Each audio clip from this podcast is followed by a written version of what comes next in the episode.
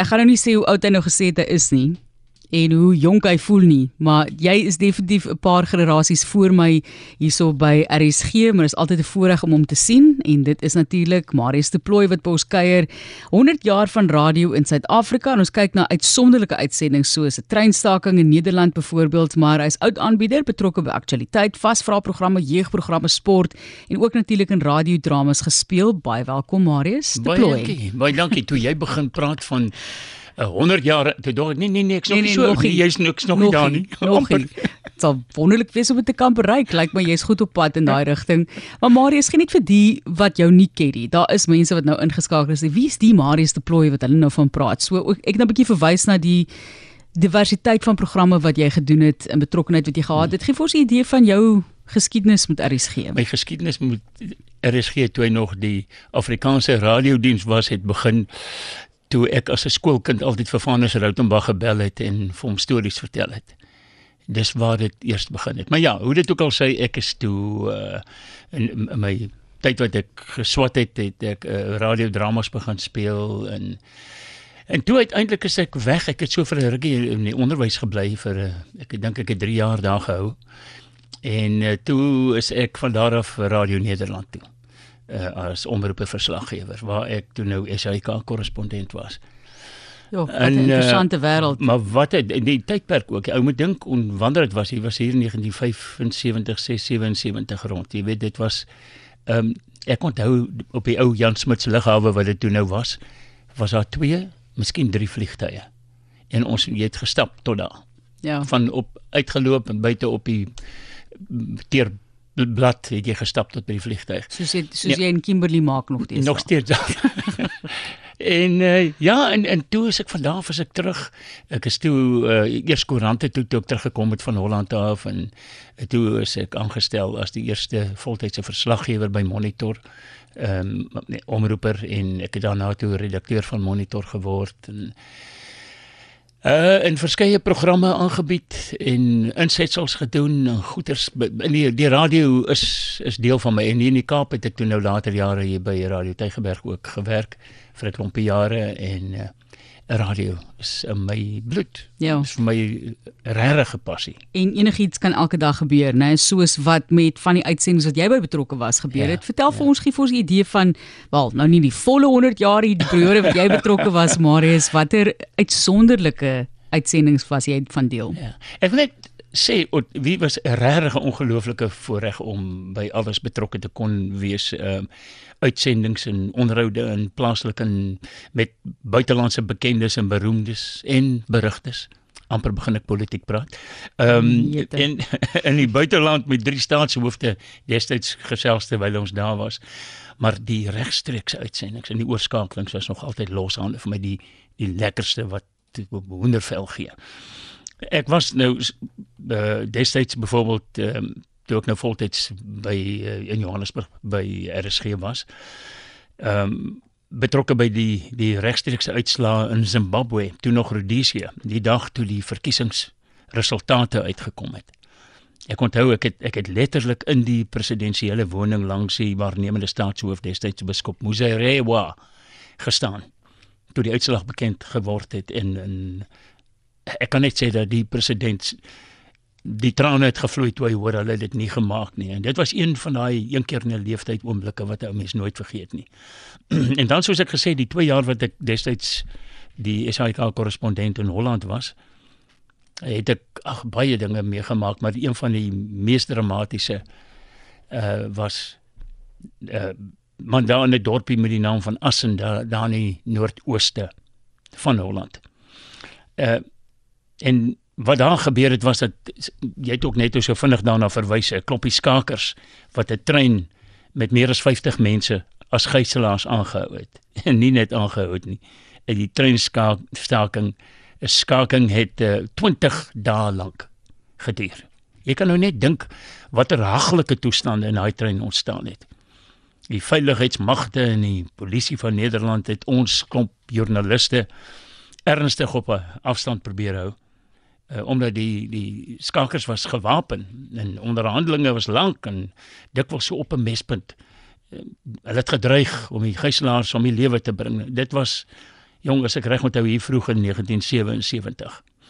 Hoe sê ek altyd toe ek nog al my hare gehad het omtrent. So het ons as ek nou reg onthou, dink ek my destydse kollega Kolie van Koller was ook saam gewees toe ons nou so na as moontlik eenslag aan die trein beweeg het. Dit was nie in die begin toe ou nou nog nie geweet het wat gaan gebeur, waarheen is dit op pad nie. En ehm um, jy nader geloop en net so probeer om die atmosfeer te kry en voordat jy kan gesels en verduidelik wat in die gang is. En as ek nou sê my hart het in my keel geklop dan bedoel ek dit nou letterlik. Nou die die Nederlandse media, die radio, televisie, die koerant en vanselfsprekend. Ehm um, almal, die buitelandse verslaggewers, kameras, want vir die volle 20 dae was dit die internasionale nuus van daai tyd. En ehm um, dit het net nooit opgehou nie. En die uiteinde van hierdie 20 dae was toe dramaties. Toe die Nederlandse antiterroriste spesiale eenheid die trein bestorm het en ses van die skakers is toe doodgeskiet uiteindelik. Maar dit is nie net die die dramatiese goeters wat lekker was nie. Vir my was jou regstreekse uitsendings waar jy 'n hele lang tyd mense moes vasgevang hou die lekkerste. Soos byvoorbeeld en uh, daar was 'n program in daai 80er jare toe ek daar was. Uh, ek praat om die korreksie, ek dink dit was klop die kampioene. Morkel van Tonder het die program aangebied, maar ek kan nie presies seker wat die naam wees wat die naam uh, gehad het nie. En en elke week was daar nou 'n ander dorp of 'n plek wat op Morkel het so kriptiese leidraad gegee. En dan moes die mense inbel en raai wat is die plek, waar is die plek, die dorp ensovoorts ensovoorts. En dat die wenner het natuurlik dan nou 'n prys gekry. En my tuisdorp was Parys in die Vrystaat.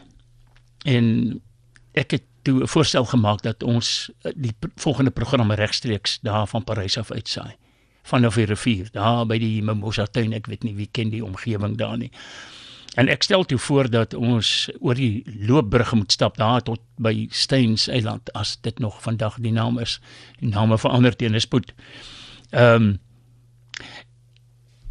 maar om daar uit te kon kom, jy moet jy moet onthou watter tyd was dit. Dit is nie 'n tyd waar daar selfone en uh, digitale moontlikhede was nie.